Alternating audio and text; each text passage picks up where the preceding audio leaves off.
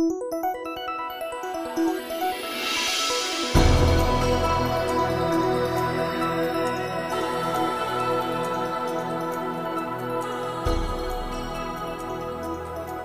радио жиргэний нэвтрүүлгийн боломжлосоор наран төгс гамбайр нар хөтлөн явуулнаа. Онцлогдож байгаа жиргэнүүд юу вэ?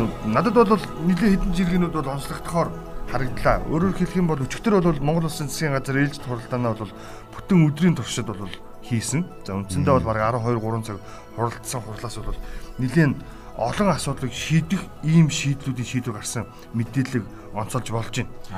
Тэгээ энийг э, засгийн газрын мэдээлэлтэй холбоотойгоор за мөнх чулууны зоригт хожин замтэрийн сайд байсан нөхөр жиргсэн байсан. Ерөнхий сайд төрийн бүх шатны дарга нарт үүрэг өглөө гэд. Нэгдүгээрт нь төсвийн зардлыг 10%-аар хэмнэх, цадин нэмэхгүй, урамшуулал олгохгүй байх, машин тавилга авахгүй байх, захиргааны дүрмт хувцас техник хэрэгслийг шинжлэхгүй байх, цахилгаан дулаан усны хэрэглээг 20% бууруулах гэд.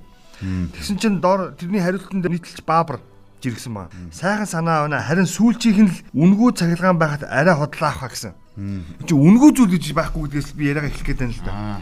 Өөрөөр хэлэх юм бол эн чинь тодорхой аж ахуйн нэгж албан хаагчдын за ингээд төрийн байгууллагуудыг үл хамааран за үндсэндээ бол цахилгаан дулааны суурь өнийг бол төрөөс дааж байгаа. Энэ бол үнгүү гэсэн үг биш төрөөс дааж байгаа хэсэг хугацаанд харин төрийн байгууллагуудын гаргаж байгаа зардлыг бол төр өөрөө төлтгөрөөр төлөөд явна гэдэг ийм зүйлийг хэлж байгаа аж ахуйн тооцоогоор тийм ээ а гэтэл тэгвэл энийг шууд одоо үнгүү гэдгээр нь хүлээж авах бас зохимжгүй маа гэж. Хоёрт миний онцлоод байгаа зүйл бол энэ машин тавилга авахгүй байх гэдэг заалтыг бол ер нь бол манайх үе үеийн засгийн газар ерөөхдөө энийг бүр журмаараа ингэ төрийн албаны зөвлөлд өгчмөр санагдаад. Яагаад гэхээр ямарваа нэгэн аж ахуйн нэгж байгууллага төрийн яам агентлагийн дарга нар солигдохоор яг зэрэгцээд өрөөний тавилгын шинжилгээ хийгддэг. Иргэн дорж дарга байжгаад за огцорлоо ямар нэгэн асуудлаар дараагийн хүнд тамга тэмдэглээ шилжүүлэхэд дараагийн хүнд доржийн суусан сандал дээр доржийн суусан ширээн дээр доржийн байрлсан өрөөний ханы цаасыг сольдог. Нэг ийм балер жишгтэй. Энийг ерөөсөө бүр болчмоор. Үнгүй юм гэдэг чинь лаач байгаа даа. Өөрөөс нь гарахгүй болохоор төрийн мөнгөөр авч байгаа болохоор тэгэл. Одоо жишээлбэл миний санаагаар бол за ингээд ям агентлаг дарга сайд нарын өрөөний одоо тавилгыг тэдэн жилд нэг удаа солиноч гэдэг юм уу тийм байдлаар дарга нарын тэрэ сандал бол тийм амархан илэгдэж хорогдоод олон хүн орж гарахгүй учраас муудад байдгүй байх гэж би боддгийн.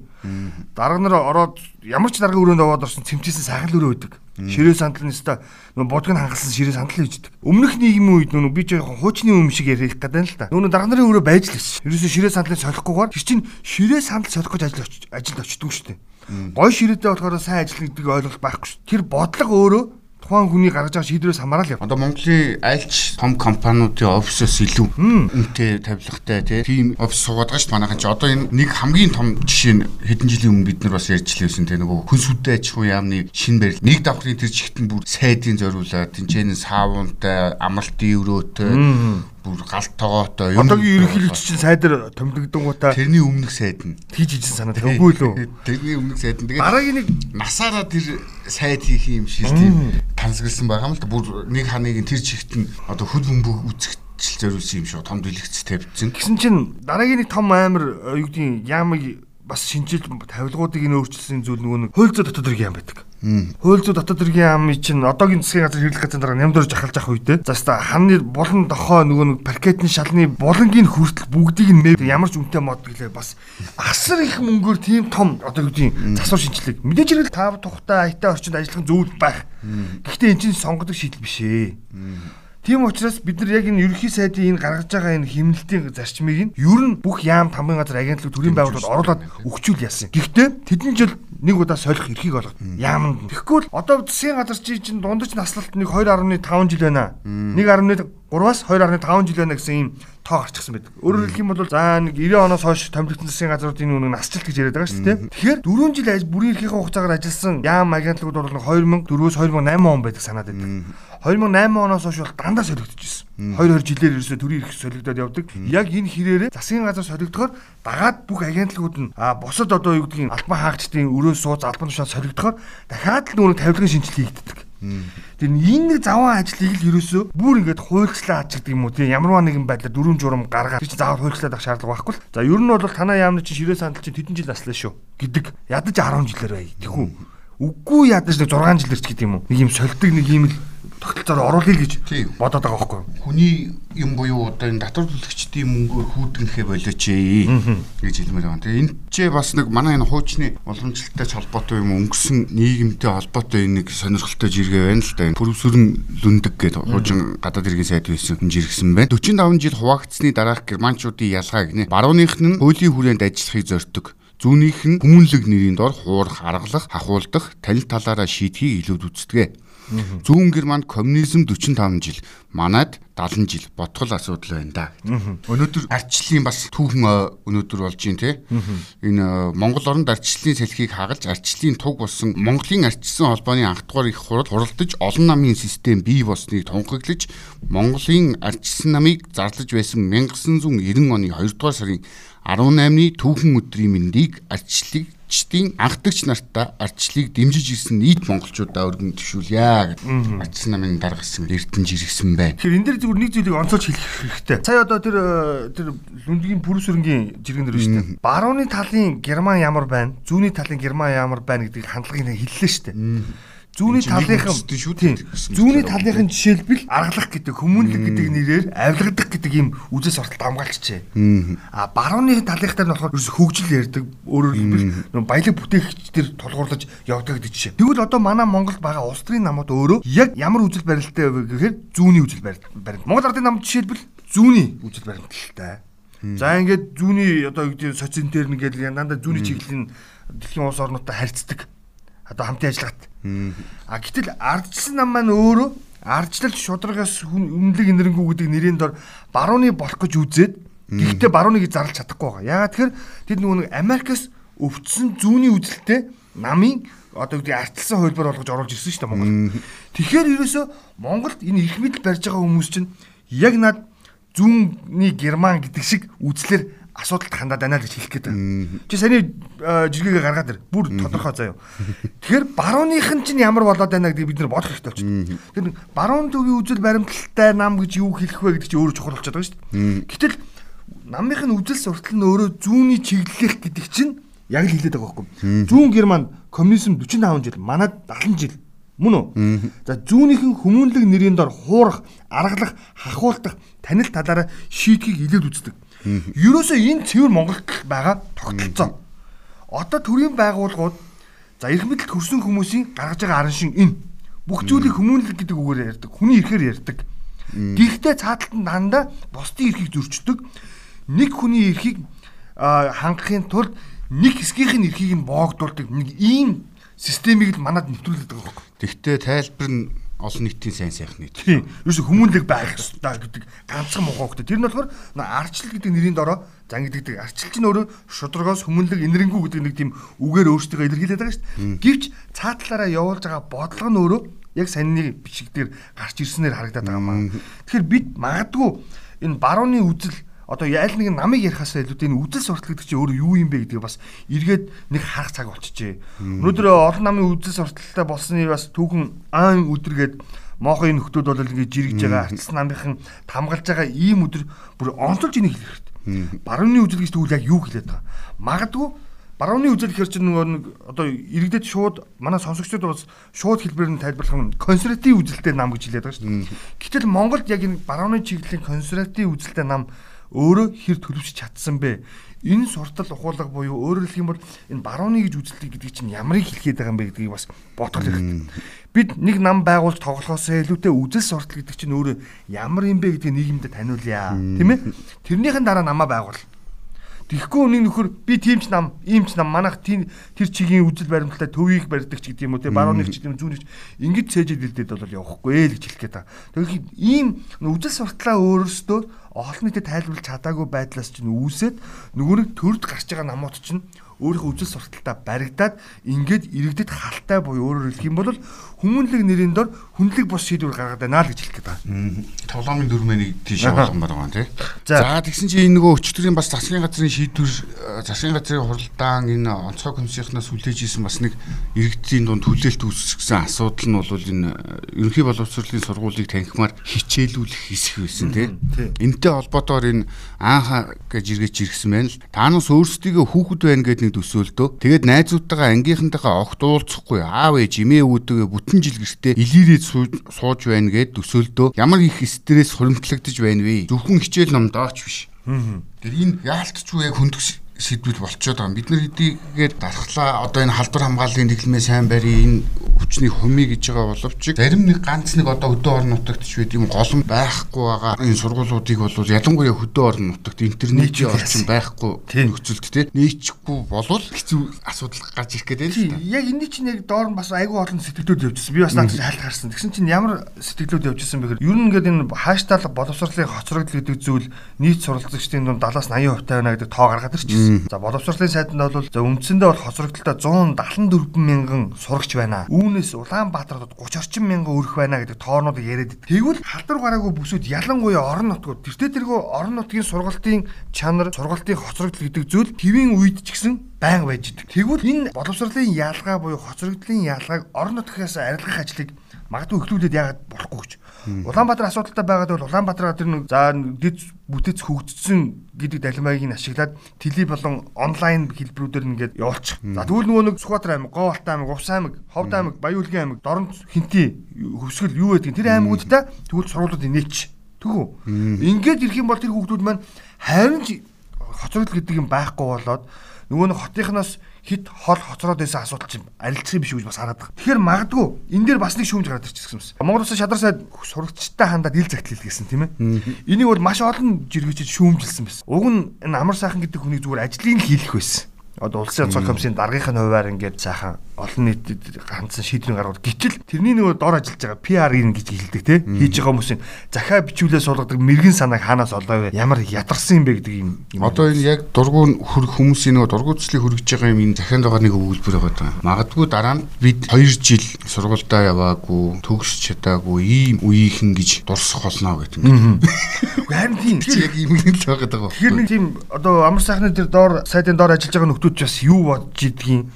Яагаад чи мэл загтал нэг тийм яг шийдвэр биш байгаа даа. Тэгсэн хэрнээ нэг тийм өрөвдмөр юм шиг өрөвд өөрийгөө өрөвдүүлэх гээд байгаа юм шиг хүүхдүүдэд бодоод байгаа юм шиг нэг тийм сонин загтал бичүүлээд бас нэг ийм сонин акц хийх шаардлага байсан уугүй гэж хэлээд байгаа байхгүй. Тий, яг одоо энэний чинь үн цэнийхэн талаар энэ боловшка гэж иргэж иргсэн байгаа. Хүүхдийн боловсрал гэдэг зурагтаар хорвоогийн хамгийн learning content цацаж эцэг их нь гэрээр заагаад болчихдог зүйл байсан юм бол Монгол улсын их сургууль, Монгол улсын багшийн их сургуулаа татан буулгаж сургуулиудаа, тургуулиудаа зах болго гэдэг ингээд. Юусоо ингээд мэрэгжил олгодог мэрэгжлийн байгууллагыг болчихоо. Хайштай эцгийн зааж болдго юм болол гэж хэлж байна үндсэндээ. Үнэхээр хүүхдүүд маань одоо бол асар тийм хоцрогдолтой байгаа нөхцөл байдал бол орхон тодорхойлчлаа дээ.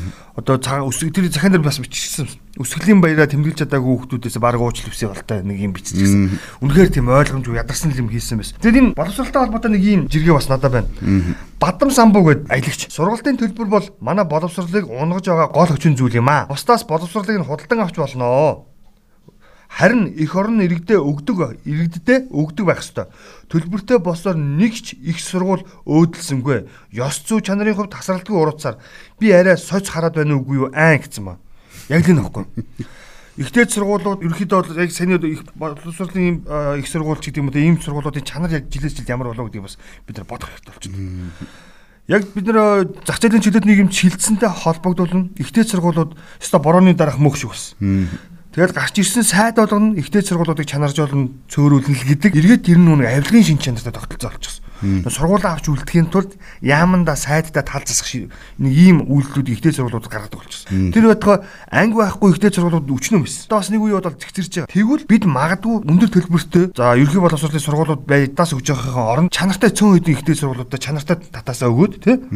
Ингээд магадгүй бид нар ихтэй боловсролыг үнгүй болгох. Ингэснээрээ чанартай боловсрол эзэмших нэг ийм алхам бас бидэнд байгаа юм. Манай боловсролын салбар чинь өөрөө маш том үр ашигтай бизнес болчиход байгаа юм. Тэгэхээр ингээ одоо харж байгаа тийшээ хин хөрөнгө оруулалт хийгээд байна вэ гэд ингээ харахаар нөгөө нэг олонний танил болсон улс төрчнөр тийм бүсийн хурлын гишүүд яамд ажилласан хүмүүс хийгээд байгаа юм. Тэр гээд ингээд ийм хүмүүсүүд хийгээд идэг. Тэгээд тэрний балгаар бид нар одоо Монгол сансрын нисгч бэлтгэдэг. Ангитай тийм сургууль хүртэл байна. Тэ нөгөө за малчин бэлтгэдэг анги байна. За нэг сонь сонь мэрэгжлүүд байгаа.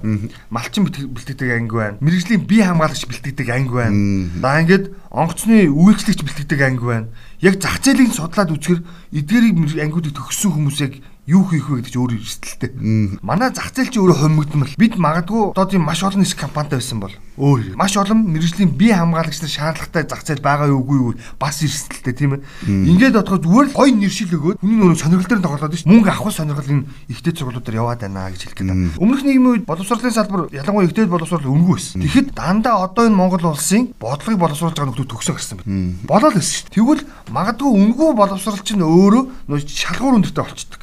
Ягаад тэр тэр үнгүй боловсрол олж авахын тулд хүмүүс өрсөлддөг юм зарчим орноо, систем рүү орноо. Тэгэхээр бид нар магадгүй энийг бас сэргээх гээд үзүүл яасан бэ гэдэг зүгээр саналыг бас энэ жиргэн дээр бас оруулсан лагам л та. Тий, одоо тэгээд энэ нөгөө улс төрчнөр ялангуяа ирэх барьж байгаа хүмүүсүүд боловсролын салбарт төдийлөн анхаарлаа хандуулдаггүй шалтгаан нөгөө нэг гадны өндөр хөгжилтэй улсуудын томоохон дэлхийн тэргүүлдэг энэ улсууд руу тэтгэлэгт хөтөлбөрүүд байдаг. Тэр нь л өөрсдийнхөө хүүхдүүдийг явуулчихдаг тийм. Тийм болохоор нөгөө өөрсдийнх нь хүүхдүүд нь асуудалгүй ингээд боловсрол эзэмшээд ингээд боловсролын төвшин бүр ялгаатай болоод эхэлж шүү дээ. Тийм болохоор энд одоо юу чи яаж исэн тэгэл нэг арга сэгээд ингээд явж идэг нэг хөгийн юм байгаад байгаа. Одоо энэ зарим хүмүүс бол энэ ялангуяа төрд ажиллаж байгаа хүмүүсүүдийн хүүхдүүдийг ч байдаг юм. Одоо энэ явуулахыг нь хориглоё гэдэг нэг юм саналууд гардаг. Гэхдээ бид нар арчилсан улсад ийм хитрхи нэгтлээ барьсан юм гаргах нь юу юм бас хэцүү шүү дээ. Тийм. Гэхдээ бас бодож наамуу цаануудаа тийм баймаар байгаа юм. За, вакцинтай холбоотой сэтгэлийг үргэлжлүүлэн хүргэе. Тэгвэл энэ вакцин оруулж ирээч гэдэг иргэдийн хүсэлтээр олон нийтийн шахалтаар вакциныг оруулж ирэхээр болчихсон. Одоо 22-ноос ихний таталтаа ийн чиж мэдгэлээ. 23-наас вакцинжуулалтын ажлыг эхлүүлнэ. За, ихний ээлж нийт хүн амын 20%-ийг за ер нь цаашдаа бол 60% заавал хийнэ гэсэн ийм мэдээлүүд явж байгаа. Гэтэл хажуугаар нь сайн хажуугаар сар дандаа гэдэг тийм. Энэ вакциныг дагсан хуурамч үйл ойлгох мэдээллүүд авих гарч ирсэн. Нүүр хоёул өмнө хэлжсэн чип суулгаж ин шиг. Тэгээ нөгөө вакцин чинь өөрөө баталгаагүй, найдваргүй, муу, туршилт болох чинь гэдэг нэг юм сонь сонь мэдээлэл гарч ирсэн. Үгүй маа гэж хэлэх гээд байгаа байхгүй. Би бол хувь хүнийхээ хувьд өнөөдөр гамбар гэдэг хүнийхээ хувьд бол энэ вакциныг бол дэмжиж. Дэлхийн улс орнууд хийлгээ болоод байгаа юм Монгол заавал яагаад бүх юмыг хардталтын тий муухай юм хар сэтгэлээр харах хэрэгтэй юм бэ. Хааштай бид олон улстай хөл нийлүүлэн халах нь хааштай бид дэлхийн улс орнууд руу зорчин ингээд биднээс дахиад нэг вакцины чинь нэхнэ. Тэгэхээр хийлия хийлия гэж байгаа хийж өгөө гэж байгаа ийм нөхцөл бол бид хийлгэж л байх хэрэгтэй. Гэтэ тэргүй хувийн хвшлийнхэн бас төртөгөө уралдаад би ч гэсэн хийх боломжтой гэдгийг мэдчихсэн. Тэгсэн чинь гэрэл төвягээд хаягнаас жиргсэн байгаа. Ковид-19-ийн вакцины талаарх мэдээлэл гэж. Дэлхийн 78 улсад 176 сая тонн вакцин хийгдсэн байна өнөөдрийн байдлаар. Дэлхийд дахина өдөрт 6 сая хүн вакцин хийлгэж байна. Өдөрт Израиль улс хүн амынхаа 74%-ийг вакцинжуулсан хамгийн өндөр үзүүлэлт. Дэлхийд дахинд вакцин хийж иргэснээр ковид-19-ийн халдвар 17-оос 22%-аар буурчихсан гэдэг. Сүүлийн дэлхийн эрүүл мэндийн байгууллагын гаргаж байгаа мэдээлэлээс аваад үзэх юм бол өдөр ирэх тусам энэ халдварын тоо буурч байгаа. Хятад буурч байна. Солонгос буурч байна. Тэгээ наад чинь Орос улбанууд буурч байна шүү дээ. Нөгөө дэлхийг яг тэргүүлж идэг оюу ухаанаараа бол манлайлж идэг Израильчууд те жүүдүүд чинь 66% нь орцсон байж гин гэж шүү дээ. 74%. 74% нь. Манай Ганбаатар гişүний хүсэж байгаа вакцин шүү дээ. Одоо манай Ганбаатар гişүн Израильчүүдийн хийлгэсэн вакциныг бид хийлгэх ёстой гэдээ уурлаад байгаа шүү. Тэгсэн чинь энэ дээр бас хүмүүстэй мэдээлэл болох хүүднээс нэг жиргийг би яг хэлчихье гэж бодлоо. Энэ лавга санжаа гэдэг хүн жиргсэн байна. Энэ вакцин хийлгэхгүй гэж олон нийтийг төрхирч байгаа бол тэдэнд итгэж байгаа хүмүүс дараах 10 фактыг уншаарай гэдэг. Нэг Дэлхийн эрүүл мэндийн байгууллага зөвшөөрсөн бөгөөд үр дүнд нь дэлхийн том сэтгүүлүүдэд хэвлэгдсэн бол үйлдвэрлэгчдэд ямар ч нэмэлт туршилт хийх шаардлага байхгүй. 2 Дэлхий дээр жил бүр 3 сая хүүхэд вакцины буйнаар үхлээс аврагддаг бол 5 хүүхэд тутмын нэг нь вакцин хийлгэж чадаагүйгээсээ нас бардаг. 3. 2000 оноос хойш зөвхөн улаан бурхны вакцинлгэхэд 21 сая ам аварсан байна. 4. Хүүхдийн амь насанд хамгийн аюултай гэж тооцогддог ротовирус бидний мэддэг захилгаан менингитийг вакцины тусламжтайгаар дэлхий дээр байхгүй болгосон түүхтэй. 5 Вакцин хийлгсэн хүн бүрт тодорхой хэмжээний хариу урвал илэрдэг боловч энэ нь амь насанд ноцтой нөлөөлөх нөлөөлөл үзүүлэх тохиолдол бараг байхгүй. 6. Санхүүгийн тооцоололоор вакцин зарцуулсан 1 доллар бүрэн эдийн засагт 44 долларыг ашиг авчирдаг. 7. Вакцин мянганы өвчтөний сорилтын 17 дугаар 17 залтаас гуравт нь буюу ядуурлыг бууруулах, хоол хүнсний өсөглөнг арилгах, эрүүл мэндийн дэмжих гэсэн гурван зорилтыг хэрэгжүүлж хамгийн чухал тооцогдгоо. 8. Вакцин бол дэлхийд дахинд ард түмний эрүүл мэндийг хамгаалж хамгийн үр дүнтэй нийгмийн эрүүл мэндийн арга хэмжээ гэж тооцогдгоо. 9. 2019 онд малари өвчний эсрэг вакцин гаргаж авч үнийг Дэлхийн эрүүл мэндийн байгууллага хүлээн зөвшөөрч хэрэглэж эхэлснээр жил бүр 435 мянган хүний амийг аварч байна. 10. Эцэст нь дахиад давтаад хэлэхэд вакцин хөгжүүлэлтийн явцад тухайн вакцины үйлчлэх механизм, үр дүн, гаж нөлөөний талаар олон үе шаттай туршилтууд хийгддэг. Одоо бид төмөр замаар танк орж ирнэ гэдэг гэдэг үлгэр шиг үлгэрт итгэж эрүүл мэндээ эрсдүүлж болохгүй. Яг л наадах ч шүү дээ. Вакцин өөрөө хүн төрөлхтний нэгэд гаргаад ирж гисэн маш том одоо дархлааны эм байгаад идэг. За нэг талдаа бас ингэж хэлдэг шүү дээ. Одоогийн хүний одоо яг энэ цаг хугацаанд амьдарч байгаа хүмүүсийн бие бол хувьсан өөрчлөгдсөн бие. Төрхөөсөө эхлэсэн зүрийн вакцинаар тариулчихсан тий. Тэгээд ингээд туршигдаад гарч байгаа нийгмийн хөгжлийг дагсан ийм янз бүрийн нэм бактери буюу өөрөөр бол эрсдэл нөхцөл байдлыг даван гарч ирж байгаа ганц эмчилгээ вакцин болчиход байгаа юм. Тэгэхээр бид нэр энийг яагаад эсэргүүцэх ёстой гэж гэдгийг асуумаар байгаа. Зориудаар ингэж харлуулах гэдэг тийм үү? Олон нийтийн санаа бодлыг ялангуяа манайх чиглэж хар мас гэж хэлдэг тийм. Үл итгэгч нарт зориулж ингэж юм одоо нийгэмд юм үл ойлгох үл ойлголцох нөхцөл байдлыг үүсгэх ийм зохион байгуулалтын ажлыг манай энэ зохион байгуулаад байгаа нөхдөд болчмоор байгаа байхгүй. Энэ чинь цаад санаа нь ерөөсөө алтар нэрийг өөр дөр авчих гэсэн л гол санаа л гэж хэлэх гээд. Би төрүүлж вакцин оруулж ирэх ёстой байсан гэдэг үг л ерөөсөө өнөөдөр энэ одоо ташаа мэдээлэл хүрэхэд очиод байгаа. За тэгвэл энэ вакцины яриг төгсөхгүй би ганцхан жиргээр төгсгөө заа. Америк зогоо элчээд ёо отгон баяр бузар гүтгэлэг шүү гээд зураг оруулсан. Тэгээд тэр нь ямар зураг гэсэн чинь за нэг хүрлээ 2 энд гэсэн нэг хаягнаас жиргсэн байгаа. Ёо отгон баяр элчин сайд Америк нэгдсэн улсад вакцин тариулсан тэр булганых гээд. Тэгэхээр одоо бол ийм юм байхгүй. Миний бол албаасаар хэлээд байгаа шүү дээ.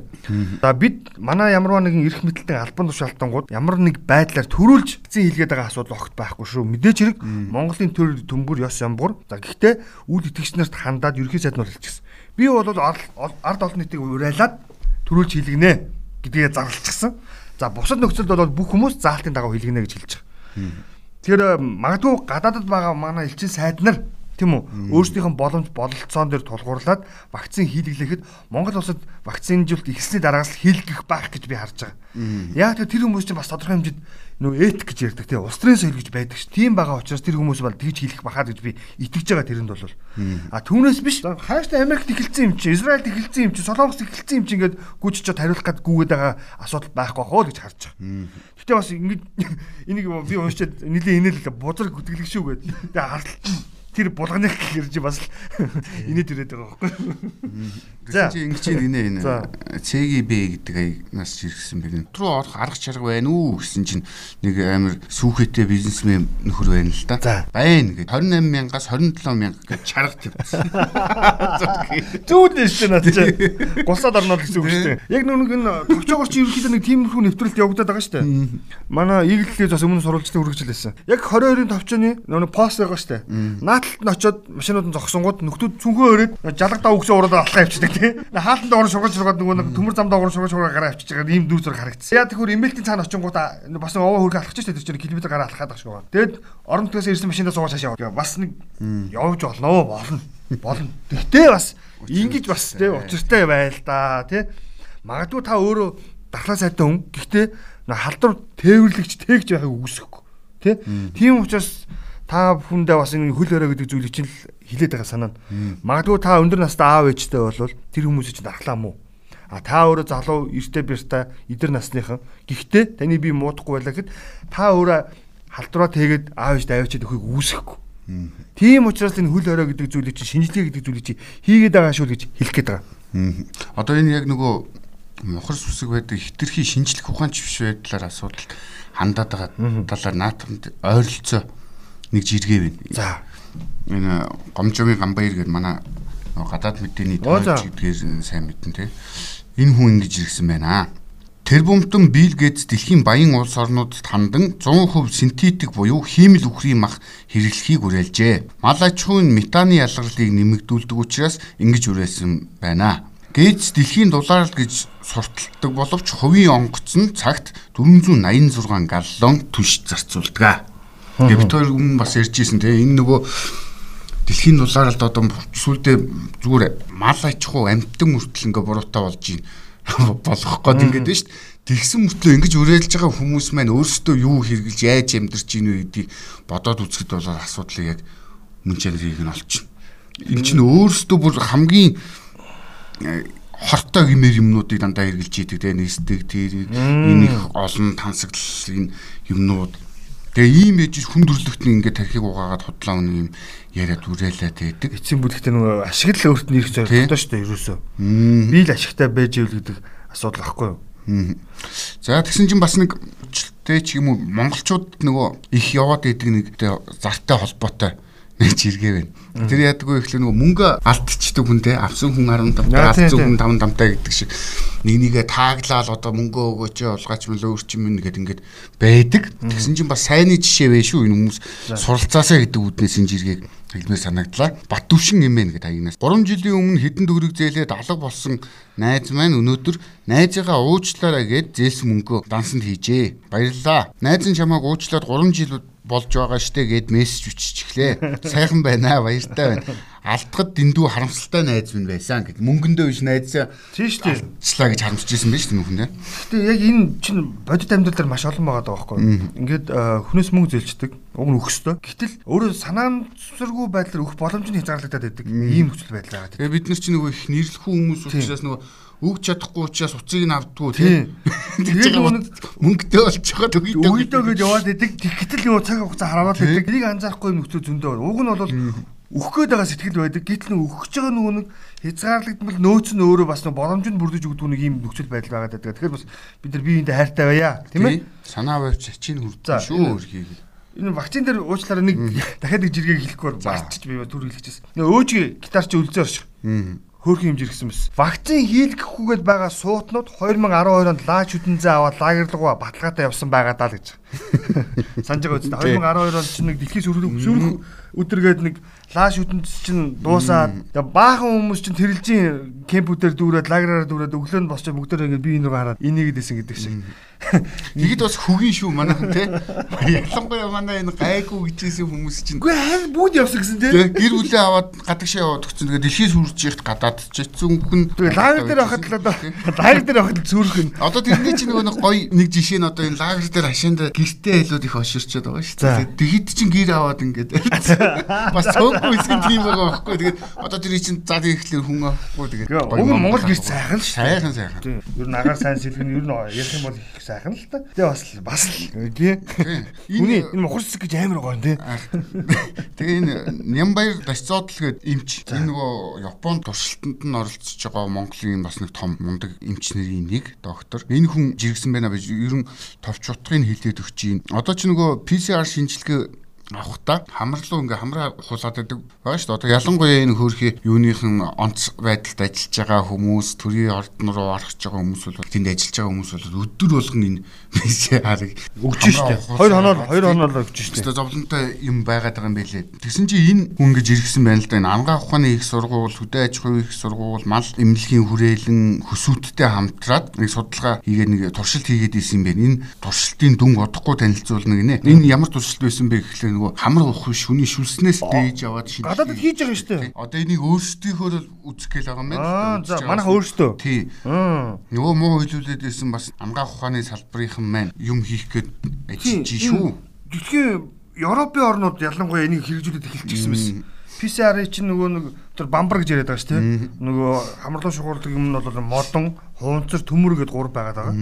За хамгийн одоо өвдөлт багтаа нь бол төмөр нь буюу өөрөөр хамгийн уян байна.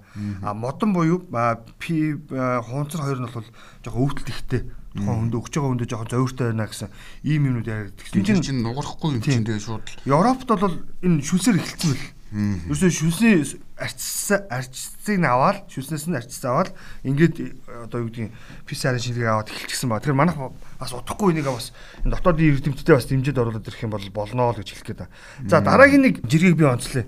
Энэ 23-наас эхлээд нэлээд олон үйлчлэгний байгууллагуудыг нээнэ гэсэн ийм мэдээлэл гарч. Хөл хориг цуцлаад бүх нийтийн бэлэн байдлын зэрэгт одоо шилжсэн байна тийм үү. Нэг зэрэг бууруулахаар өндөржүүлсэн бэлэн байдлын зэрэгт шилждэг. За томоохон үзүр үйлчлэгний газруудыг нээдэггүй. За ингээд нөгөө нэг олон нийтийг хамарсан үйл ажиллагаа зохион байгуулдаггүй. Тэгвэл за яг хуу тодорхой хэмжээнд бар, караоке гэсэн ийм нэршилтэй газруудыг бол хязгаарлая, зогсоё, нээхгүй бай.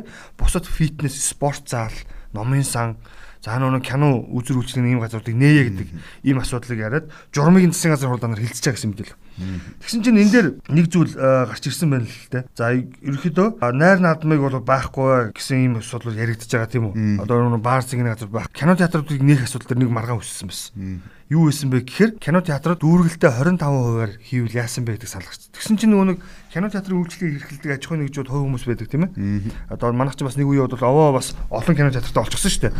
Байхгүй байснаа бодоод буцаас сэргэж. Гэтэл кино театрын үйл ажиллагаа явуулдаг нөхдүүд 25%-ийн дүүргэлттэй гэж ирээ журам батлагдвал бид кино театрын нэг шаардлага байхгүй зогсчихсон дэр. Алдагдлаа. Алдагдлаа дахиад алдаг төлөх гээд байна. Өөрөөр хэлэх юм бол 25% дүүргэлт гэдэг маань яг тухайн кино театрыг ажилуулж байгаа ажилтан албаагчдын цалин хангам үйлчлэгийн зардал хүрэлцэхгүй. Түүнээс жирийн үед угаасаа кино театрууд маань өөрөө дүнж жанган 50 орчим хувийн дүүргэлттэй байдаг. Тогтмол үзэгч нь гэх юм бол ийм нөхцөл зүгээр 50%-гээ заагаад өгчих юм бол бид ажиллая. Хаашта манай кино театрууд хизээч 100 80% дүүргэлтэй байж чаддаггүй. Яг нь магадгүй зарим нэг шинэ киноны нээлтийн нэг л өдөр ч гэдэг юм уу те. Үндсэндээ бол энэ 100 орчим хувийн дүүргэлтийг бол хийдэг. Түүнээс 25% дүүргэлт гэдэг бол за зардлаа даахгүй хэмжээний ийм одоо эдийн засгийн тооцоол гарч ирж байна гэсэн ийм саналыг гаргаад эхэлсэн байл. Тийм. Одоо тэгээ бас наад дээр чинь тэр баар цэнгэний газар гээд ингээ бас нэг бүхэндээ яриад идэг те одоо эднийг нээж явах гэдэг юм бэ гэд. Тэгтэл манай Монголын Монгол улсын аж ахуйн нэгжий чинь нөгөө бүтцийн саксыг харахаар 33-аас 37% нь аж ахуйн нэгжүүдийн маань үйлчлэгээний буюу нөгөө баар цэнгээ одоо кино театр дэлгүүр худалдаа ийм нөхдүүд байдаг. Тэгээд энэ хэрвээ энэ эдийн засгийн хэмжээ гэж байгаа бол эднэрийгээ бол бид нар одоо нэгэнтээ төрлийн одоо шууд өөрчилж чадахгүйгээс хойш бас нэг аж ахуйн нэгжигээ орлоготой бай гэвэл энэ асуудлуудыг нөгөө халдвар хамгааллынхын дэглэмийг сайтар бариулаа, даруйтгалын сайтар хийгээд бас нээх тал руугаа явсан зүгээр баха. Тэгээ манай энэ угсаа энэ эдийн засгийн чинь гол тулгуурлал үйлчлэлийн салбар шүү дээ. Тэгээ манай мөнгөний урсгал өөр аягүй сонио яг нөгөө Монгол улсын голом нүрэн шиг Монгол улсын гол мөрөн чинь үндсэндээ бол бүгд гадагшаа гэдэг. Гэтэл Монголын яг эдийн засгийн урсгал нь өөрөө дандаа гадагшаа буюу үйлчлэлийн салбар. За ингээд томоохон үүрэн телефоны компаниудын операторуудыг ингээд аваад үз. Дандаа баялаг бүтээхгүй зөвхөн үйлчлэгээ авсныхаа төлөө буюу өөрөөр хэлэх юм бол дандаа мөнгө. Гэтэл тэр мөнгөийг төвлөрүүлж байгаа компани эзэмшигч нь дандаа гадны хөрөнгө оруулагч байгаад байдаг. За ингээд нэг хоёр хоолны газар дахиад үйлчлэгийн салбар. Гэтэл хоолны салбаруудын бараа материал түүхий эдийн татан авалт нь дандаа гаднаас буюу импортыг болоод харчдаг. Хүмүүсийн хамгийн дуртай хоолны сүлжээнүүдийн бүтээгдэхүүнүүдийн дандаа гаднаас буюу импортын бараа бүтээгдэхүүн байж байгаа. За дараа нь дахиад нэг саний хэлээд байгаа баар цэнгэний газар, уушин газар бас яг адилхан. Дандаа гаднаас урсгалтай буюу гаднаас импортоор оруулж ирсэн бараа бүтээгдэхүүнээр үндэслэж үйлчлэгээ явуулдаг. Тэгэхээр Монгол улс энийг бодё. Хоёул өмнөх жиргэд нэг ярьжсэн Бид үйлдвэрлэгч орн байх хэрэгтэй байна байна. Үйлдвэрлэгч орн байхгүй бол бидний мөнгөний урсгал ерөөсөй байн гадагчаа байна гэдэг асуулт байна. Энэ дахиад хэлмээр байгаа. Тэгэхээр ковидын үед магадгүй цар тахлын нөхцөл байдал бид нар эдийн засгийнхаа энэ сөрөг нөлөөллийг бууруулах эрчимжүүлэх арга хэмжээ авъя гэж байвал энэ үйлчлэгээний салбаруудаа нэхийнхаа зэрэгцээ тийм үү дахиад давхар үйлдвэрлэлийн бодлого гэдэг зүйлийг зайлшгүй бүр ингээд далимдуулаад хийчмээр байна л гэж хэлэх гээд байгаа. Энэ санааг бас эрхээ биш боддог байлгүй. Тэгээд сая засгийн газрын хуралдааны өмнөхөн бас нэг хөдөө аж ахуй яамны сайдын мэдээлэл гарсан байсан. За ингээд Монгол улсын хүнсний салбарын нөөц хангамж ямар байна нэтэрэ гэдэг мэдээлэл тайлан дээр нэг сонирхолтой мэдээ гарч ирсэн. Монгол улс энэ өвөл бол нийт малынхаа буюу за 26.3 сая толгой малыг эдийн засгийн эргэлтэнд оруулах гэж гисэн юм. Тэгээд үлдсэн буюу 60 эдэн сая толгой малыг тоолуулсан гэдэг тоо мэдээлэл гарч ирсэн. Тэгээ юу вэ? Эн чинь ямар учиртай юм бэ гэдээ бодоод эдийн засгийн хэрэглэлд мал яхаар ордог гэсэн чинь бид энэ өвөл тэдийн хэмжээний мал малыг хүнсэндээ зарцуулсан байна л гэсэн тоо юм л.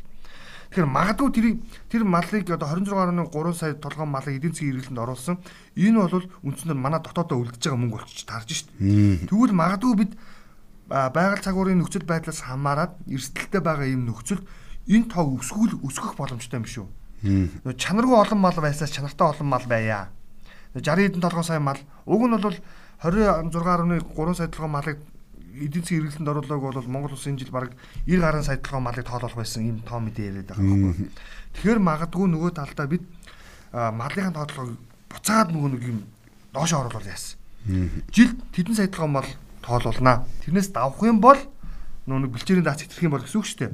Энийг шууд автоматар эдийн засгийн хэрэглэнд оруулах Өөрөөр хэлэх юм бол ёо импортлох, экспортлох гэдэг ажил руугаа идэвхжүүлэн орвол яасан бэ гэж хэлэх гээд байна. Одоо баг нэг аймаг болгон худалчуунд нэг аймагт хоёр махны үйлдвэртэй болсон шүү дээ. Гэхдээ аюу сонирхолтой заяа. Манай манай төрийн бодлого гэсэн балаа. Би бүр нэг бүр онцгойлох гэдэг. Нэг аймагт ингээд ардын намын удирдлагад гарч ирээд нэг махны үйлдвэр барьдаг. Тэнгүүт нь дараагийн сонгуулиар нь арчилсан нам ялал байгуулах гэж бодъё л та тий. Тэнгүүт тэр нүдэнд гарч ирээд дахиад нэг махны үйлдвэр орж ирэх байх. Гэхдээ дандаа урдаас хөрөнгө оруулагч авчираад барьчихдаг. Айгу сонин. Тэгээ манай чи энэ ингээ хараад тахлаа. Тэгэхээр ч нүрийн оролцоо чи өөрөө энэ бүхнийг яг бий болгоод байгаа юм шиг юм зохицуултууд хийгээд идэг. Ялангуяа энэ зах зээлийн нийгэмд бол төр аль болох хол байх тусмал асуудал жам ёсоор шийдэгдээ явцдаг тий. Манай төрөөс чи яадаггүй ихлээр нөгөө ноол урны мөнгө тий.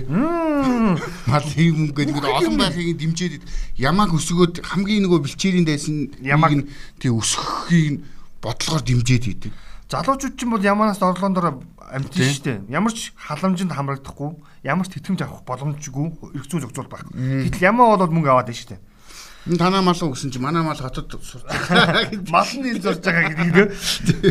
Би над одоо энэ яриг төгсөхөд нэг л зүйл хэлээ. Төр юмд оролцохоор бодлоо өсгдөг нэг жишээ би өнөөдөр өөр өнөдөр харлаа. За би хаавал дүүрэг орсон сууч. Тэгээ өнөөдөр чи хаавал дүүрэг дээр бол PCR-ын шинжилгээг бол бүтэн зохион байгуулалт хийж. За ингээд PCR-ын шинжилгээд хамрагдлаа өнөөдөр очлоо. Ингээ нэг гадаа явуулын цэг дээр очоод зогсчихсон. Тэгээд тэгээд нөгөө нэг сайн дурын нөгөө төрийн албаагч чинь эрүүл хамгаалалт хийж байгаа шүү дээ. Тэгээд тэр хүмүүс чинь ингээд ерөнхийдөө бол очиж угаарлаж байгаа хүмүүсийг ингээд ерөнхийдөө зохицуулаад за та тийш талд нь гарна уу ийшээ явна уу гэдэг ингээд зохицуулаад байж.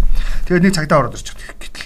Нөгөө цагдаа орж ирэл өө хоошо хоошо хоошо хоошо гэдэг тэр хоёр хүмүүд хүмүүс уралдсан. Гэхдээ энэ зүгээр яж байгаа юм юу гэд хил ам хийгээд байгаа байх чи одоо. Тэгээд нөгөө яг төр орж ирээд хин хил ам үүсгэж байгаа байхгүй юу? Уг нь бол иргэд хоорондоо зогцоод ингээд дугаарлаад байшингийн агуул цавгаар ороод ингээд зогсоо болж исэн байхгүй юу? Ер нь бол ямар нэгэн байдлаар халдвар хамгааллын нийгмийн байранд аюу айтайхан ямар ч хил амаараагүй. Цагдаа урж ирэл хөө гэл нэг юм хэлсэн. Тэгэл тэр хоёр хүмүүс юу яриад байгаа юм ба данаа би байсан чи байсан бол авчихсан. Тэгээ төр ингэж орж ирэл юм самраад байна л гэж хэлэх гээд байгаа байхгүй.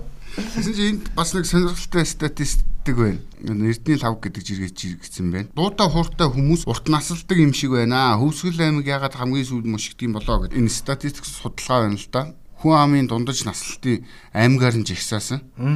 Тэгсэн чинь энд хамгийн өндөр буюу 74 дундаж наслалт нь Дундгов аймаг байна. Оо нөө сайхан дуучдын нутаг. Дуучдын нутаг. Тэгсэн чинь дараа нь 90 говийн тэргүүлтийн юм шиг байна шүү. Говь сүмбэр дараа нь орж байна. Булган аймаг нөгөө анхдагчдын нутаг 3-т орсон байна. Баян үлгийн аймаг 4-т гихчлээ ингэж явж ирсэн. Хамгийн сонирхолтой нь энэ нөгөө хамгийн сүүлд нь хөвсгөл аймаг орж. Энд чинь нөгөө хамгийн тасархай сүүл сүүл шүү дээ. Тий. 66 гинэ дундаж наслтна. Тэгэхэд эн чинь уг нь сони энэ нөгөө одоо энэ говьалтай говийн аймгууд чинь бол ус маш муутай гэдэг шүү дээ. Байхaltaй. Тэгсэн чинь хамгийн цэнгэг устай хамгийн байгаль сайхантай хөвсгөл аймгийнхан маань хамгийн сүүлд мушигч идэг. Тэгээд энэ насны статистик дээр чинь бас нэг юм мэдээ гарсан байлээ. Бас жиргээ орж ирсэн. Туяа туяа тэгээ хай байсан.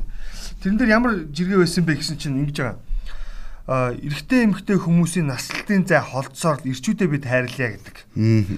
Тэгсэн чинь яасан бэ гэсэн чинь эмэгтэйчүүдийн ерөнхийдөө нас нь дундаж наслал үүштэй те. Одоо нэг юм 67 тоо байгаад байна л. Тэгсэн чинь эмэгтэй эрэгтэйчүүдийн гэсэн чинь 50 руу орсон. Тэгээ жил ирэх тусам энэ эрэгтэй эмэгтэй хүмүүсийн дундаж наслалтын зай холдож ийн гинэ.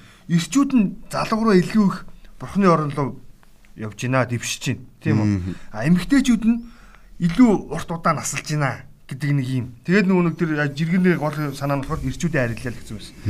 Тэр нөгөө би нэг зүгээр яг хошин болгож хэлэх гээд байгаа. Юм л бол мөн ирчүүдийг хөөж явуулгаа болмоор байгаа байхгүй. Сая ингээл цар тахлын нөхцөл байдал үүсэл тэгээд хүмүүс хүнсний хэрэгцээнд дэлгүүр орж болно гэд тэгсэн чинь яг яг ихний хөл хорионы үеэр гарч ирсэн шүү дээ. Дэлгүүр яваад орсон уцаа барьсан нөхрүүд л явж байгаа байхгүй. Гэрээ эзэн эддүүд Аа лайв. Тэгээ лайв гэдэг юм харуулсан. Энийг авах уу, энийг авах уу гэдэг ингээд уцаа ярьсан. Өөртөө дэлгүүр ордоггүй. Өмнө нь бол яг эхнэрүүд бол тодорхой хэмжээнд хүнсээ цуглуулдаг гэсэн. Гэтэл яг хөл орой тогтоогоор цар тахал тэгэнгүүт чинь нөхрүүд уцаа барил үн асуугаал одоо ийм байна, ийм байна гэж. За ингэс. Дараа нь үүрх бүр нэг хаалга гэдэг шинжилгээ явуулж эхэлсэн. Дугаарлаа зогсож өнөөдрийн миний жишээ би дахиад хэлэх байна. Зогсож дандаа эрэхтэй ч зогсчихсон. Нөгөө нэг үрхий тэргүүнүүд гарч ирээд зогсож байгаа байхгүй яг үндсэндээ бол. Гэхдээ одоо яалтай билээ. Тэхээс өөр арга байхгүй шүү. Энд чинь Монгол шодрол айлтаа, шодрол айлтаа гэрүүлээ хамгаалдаг. Гэхдээ энэ яалтчгүй эрэгтэй эмэгтэй хүмүүсийн нөгөө хараа гэхт чи хоёр онцлогтой юм л. Эмэгтэй хүн бол ингээ бүх юмыг ингээд детальч хардаг. Эрэгтэй хүн болохоор ингээд дурангаар хардаг шиг хардаг гинэ. Одоо ялангуяа ялангуяа тэр дэлгүүр дээр чи яг энэ үйлчлээд байгаа нөгөө эрэгтэй хүн болохоор одоо дэлгүүрээс хүнсээ цуглуулах гээд явахдаа ч юм уу 30 минут яваад бүгднийг аваад ирж бичиж авчиж байгаа тийм. Тэр чи яг нөгөө тоочны тоочны авах юмнуудаа хараад хараад хараад аваад аваад явждаг. Эмэгтэй хүн бол эхлээд ороод эхний үнийг асуугаа цаашаа очиод буцаж ирээд хацуулт хийгээд ингэж ингэж жаад хамгийн сүүлэн гахтаа нөгөө эхний цэгээс авдаг. Тэр чи бас дээр нэг юм дээр бас амар харагдаад байдаг. Гэрт нөгөө юм хайх миний майч ч бол гэдэг. Амс ачаал гэдэг. Амс ачаа гэдэг. Нөгөө нэг дурангийн хараагаараа бид нар чи хараад олдгоо. Энэ юу юм бэ гэдэг нөгөө ихнэрэд гаргаад ирдэг тийм. Ийм онцлог байгаа. Бас хүмүүсээ ирчүүдээ бас хайрлал да та нөхдүүд бас тэгээд би бас гол нь л тэгж хэлэх гээд байгаа. Саяны жиргэг бас онцлоод байгаа шалтгаан тийм. Тэгээ одоо маа залуучууд бас сайхан би хаандаа анхаарад ирүүл чих хүсдэг болж шин фитнес дасгалаар хичээлдэг тий. Тэгээ дараа би дараагийн э, юм дээр бас нэг тийм жиргээ оруулж ирнэ дараагийн дугаар дээр нөгөө нэг эрэгтэйчүүд бас жоохон эмгтээлэг болоод байгаа шүү дээ. Тэрийг бас нэг жоохон онцолж яах хэрэгтэй сэдв болчиход байгаа. Яа харахгүй тэгээд тэр бас хүмүүстэй бас санал бодлоо энэ твиттер орчинд хуваалцсан. Тэгээд бас мэдээж яг хуу энэ орчин үеийн бас хөгжилтэй орнуудын жишгийг даах бах. Гэхдээ ер нь ингэсэг түрхлээ гэдэг эмгтээ хүн шиг хүүхэд гаргахгүйгээс хойш тий. Би бол тэгж л боддتي. Энэ энэ яг зан характер төлөв байдлынхаа хувьд бол ерөнхийдөө сүүлийн ялангуяа 2000-аас хойш оны манай хөвгүүд маань бол ерөнхийдөө эмгтээлэг болоод байна гэдэг нэг тийм юм яваад илээ. Тэгэхдээ тэрийг бол юу яаяа? Бас тодорхой хүмүүсээс санал бодлоо солилцоо хуваалцъя тий. Тэгж байгаа бас тодорхой мэдээллийг эрхэм сонсогч та бүхэнд бас хүргэе гэж бодож байна. За дараагийн нэг жиргээ. Ийм нэг жиргээ байна Сайн Viva City буюу хаан улд дүүргийн нөгөө нэг э, чин дулааны цахилгаан станцын нүүр сугаасан усыг шууд асгаж байгаа нэг юм үйлдэл гараад бас мэдээлэгдээд бас сошиал нэлээ яригдсан шүү тийм ээ. Тэрийг дагсан сэтгэлүүд гарч ирсэн л дээ. Тэгээд энэ дээр ингэж аа Монгол улсын иргэн зориг гэсэн хаягнаас ийм хар ус гэх юм уу юу гэх юм бохроо шууд голоор цутгаж байгаа юм аа видео бичлэгийг үзээрэй гэд. Тэгээд тэрний дор сэтгэлүүдийг уншсан. Тэгээд энэ дэр нэг зүйл юус арах гарч ирээд. Монгол улсын хууль хэрэгждэг нэг жишээ энэ. 2008 билүү 9 онд ус бохирдуулагчийн тухай хууль гэдэг амар чухал хуулийг баталчихсан Монгол улс. Гэтэл тэр хуулийг өнөөдөр хинж хэрэгжүүлдэг. Улаанбаатарт үйл ажиллагаа явуулж аж ахуйн хөгжүүлэлт хэрэгжүүлдэг. Улаанбаатарт арь ширний үйлдвэрүүд байгаагүй байгаагаараа байжлаа. Энд чинь бүр үе үеийн засаг дарга нарын үед л нүүлг нь шилжүүлнэ гэжсэн. Одоо л нүүлгсэн байхгүй. Гэхдээ саяны тохиолдол чинь бүр хамгийн игдүүцмээр нь төрийн байгууллага нь хууль шилжих гэдэг шүү дээ. Гүйцэтгэгч хэвээр хангаж хэвээр төрийн байгууллага нь тим юмыг л хийж байгаа тийм. Тэгээд арширны үйлдвэрүүд, үлэн боловсруулах үйлдвэрүүд ингээд Улаанбаатарт үйл ажиллагаа бол ноос угаах үйлдвэрүүд бүх үйлдвэрүүд байдаг. Бүгд хажуудаа нөгөө нэг юм дид станц байх хэрэгтэй мэл доо. Нөгөө бохироо ингээд тодорхой хэмжээнд одоо хор нөгөө янз бүрийн арьс ширээ угаасан хортой бодистой уснуудаа шүүгээд хоёрдугаар зэргийн болгонгуудаа түүцэн үйлдвэр рүү нийлүүлэх хэрэгтэй атал өнөө хүртэл тэр хийдэггүй. За ингээд хийхгүй болохоор тэр станца барьж өгөхгүй болохоор тэр хуулийг баталсан. Ус бохирдуулагчийн тухай хууль гэдэг. Тэгээд хэдэн метр куб ус гаргана тэр хэмжээгээр хорны нөлөөлөлс нь хамаарат төлбөр нь янз бүр байх юм зохицуулдаг.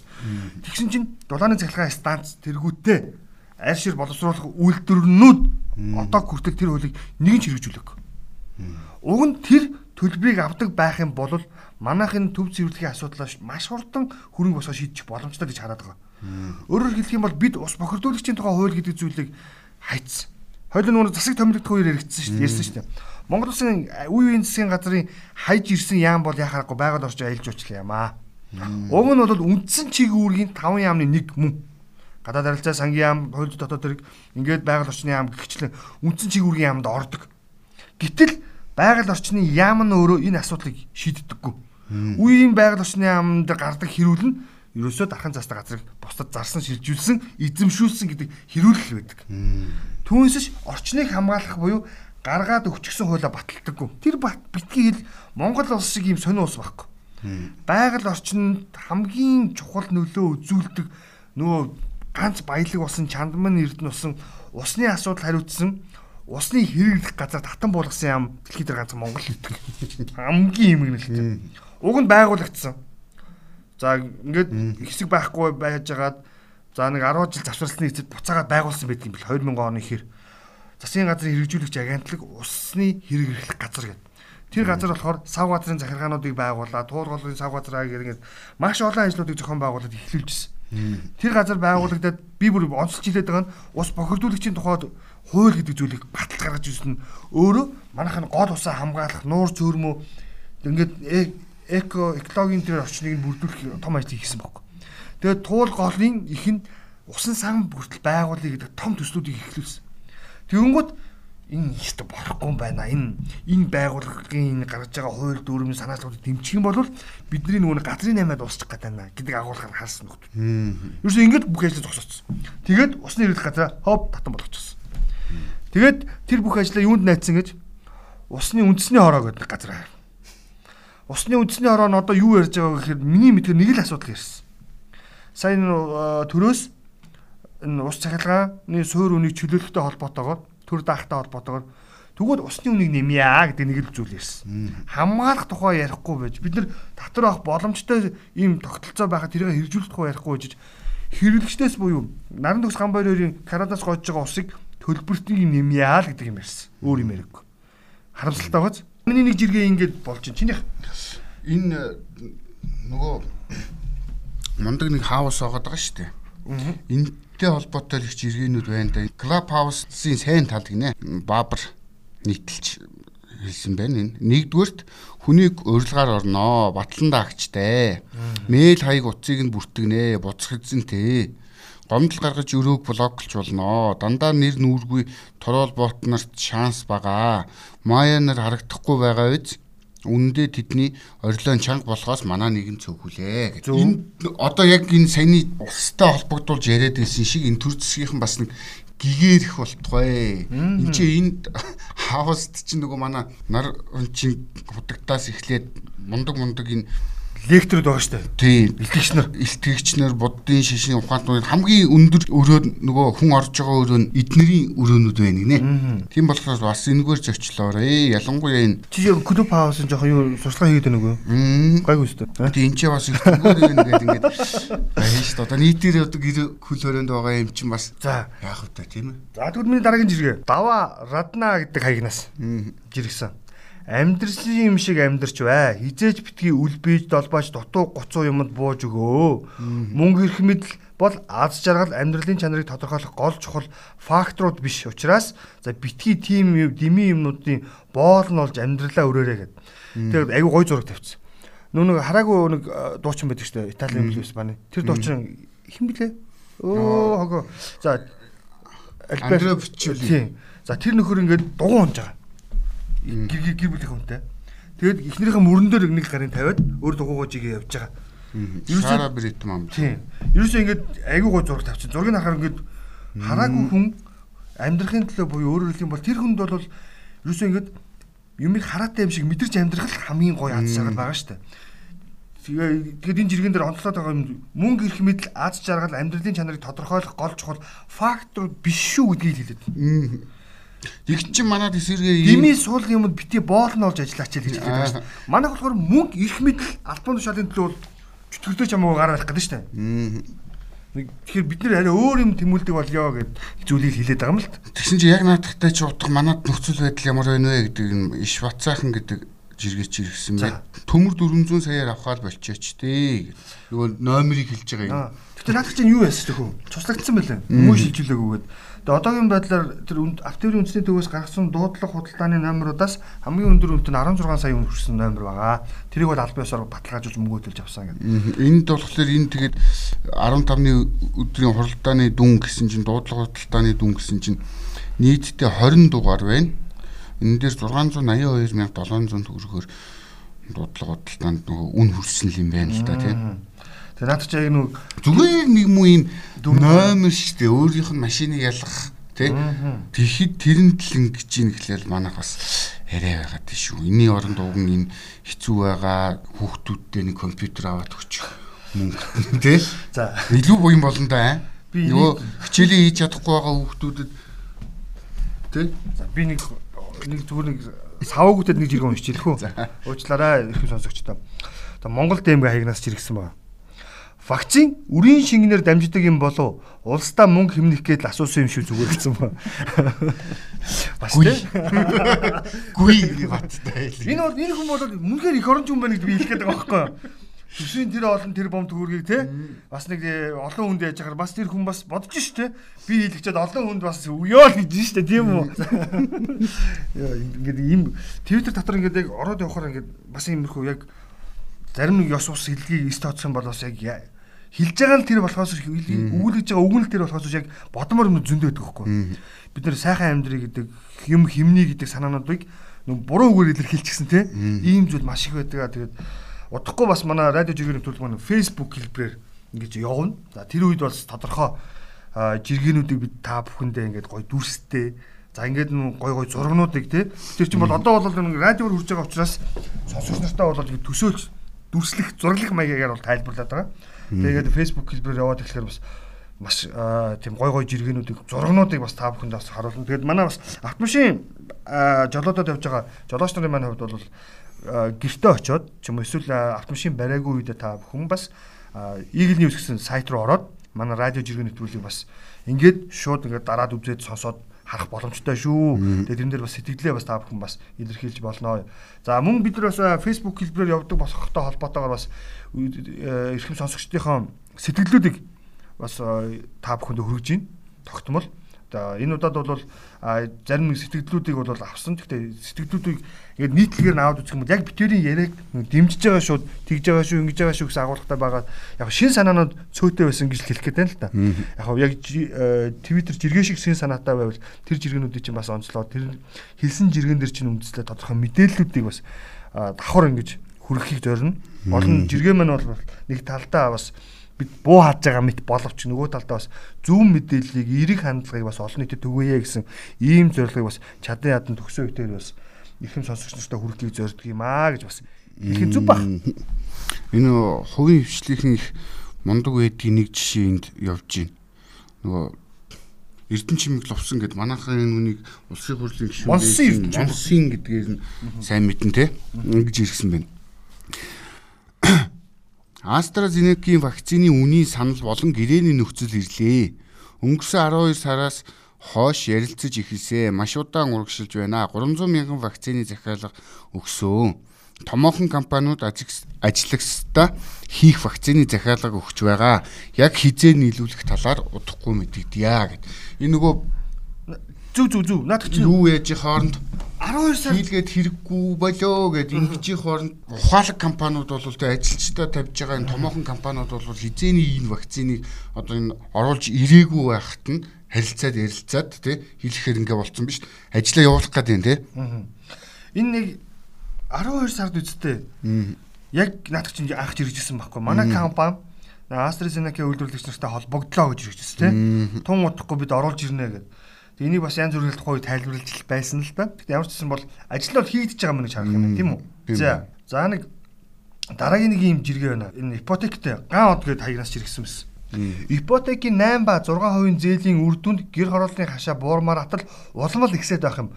Мөнгөтэй хүмүүс олон байр аваад түрээслэл байдаг юм болов нэг л буруу яваад ашиг. Хашаа башингаар нь 30%-ийг нь тулаад ипотек өгч болохгүй байх та гэд. Энийг бүр яг яг харахгүй бүр ярих хэрэгтэй болчиход байгаа маа. За Улаанбаатарт баригдаж байгаа барилгын тоо жил их тусуу нэмэгдэж байгаа. Бүгд мэдчихэж байгаа. За ингээд эн чин э, 12 хүн амьдардаг байсан 2 давхар орон сууцнд за 96 айл орох боломжтой 9 давхрыг жишээлбэл барьж байгаа. Ингээд аваад үзэх юм бол оршин суугч гэр хорооллын оршин суугч тийшээ шилжих боломж харагдаад байна шүү дээ. Гэтэл одоогоос 5 жилийн өмнө гэр хорооллын оршин суугчдын тоог нь шүү дээ тий 180 мянган үр хайл гэж тоологдчихсон. За тэгвэл сая энэ жилийн статистик дүн мэдээлэлээр гэр хорооллын Улаанбаатар хотын гэр хорооллын айл өрхийн тоо 232 мянга болчихлоо. Даруй 52 мянгаар нэмэгдэжээ. Тэгэхээр энэ шилжилт хөдөлгөөн гэж би л харахгүй байгаа. Яагаад тэгэхээр эн чинь шилжилт хөдөлгөөнийг хязгаарлалчихсан. Мм Батүл Баатарын үед үсттэй. Улаанбаатар руу ирэх шилжилт хөдөлгөөнийг бүр мөсөн зогсоох шийдвэр гаргаж ирсэн. Суу баталтын үед үлээ гаргаж ирсэн. Энэ шийдвэр одоо хүчинтэй хэвээр байгаа. А харин төр орсон суугч буюу өөрөөр хэлэх юм бол орон сууц авж байгаа иргэдийг болгосоо шилжүүлээд байгаа шүү дээ. Өдөө орно. Тэгсээ гэрнэ гэр хорооллын тоо нэмэгдээд байна гэхээр гайхаад байгаа байхгүй. Тэгээ энэ хаана яваад байна? Энэ гэр хороол яагаад хилээд байна гэдгийг бид нар бас бодох хэрэгтэй юм болов уу? Магадгүй энэ нөгөө нэг дид бүтцтэй холбоотой байна. Гэр хорооллыг дахин төлөвлөлт маш том төслийг хэрэгжүүлж байгаа. Энэ бол үнэхээр алгадчмар төсөл. Энийний үр дүн юм болов уу бас таагаад бах. Эсвэл нэг хашаанд 4-5 үрх амьдардаг байсан айлууд маань тусдаа гараад байна гэж хараад. Одоо ямар очиртай бол тэгээд ган од дээр бас адилхан байна л да. Нөгөө 10 их 80-ийн цогц төлөвлөгөөгөө танилцуулж явах үеэр ерөнхий сайд хэлжсэн. Жилдээ Монгол улс нийслэлд 12-оос 15 мянган орон сууц ашиглалтанд ордог юм байна. Аль болох энэ нөгөө 2 их 80 төгрөгийг буюу ипотекийн зээлд энэ тэр мөнгүүдийг бүгд тэр ашиглалтанд орж байгаа орон сууцнуудыг нөө метр квадратын ипотекийн зээлийн хангасан тийм орон сууцны бүгднгийн хамруулахыг хичээнэ гэд. Эн чинь нөгөө гэр хорооллоос багасгах гал байгаа нэг арга тий.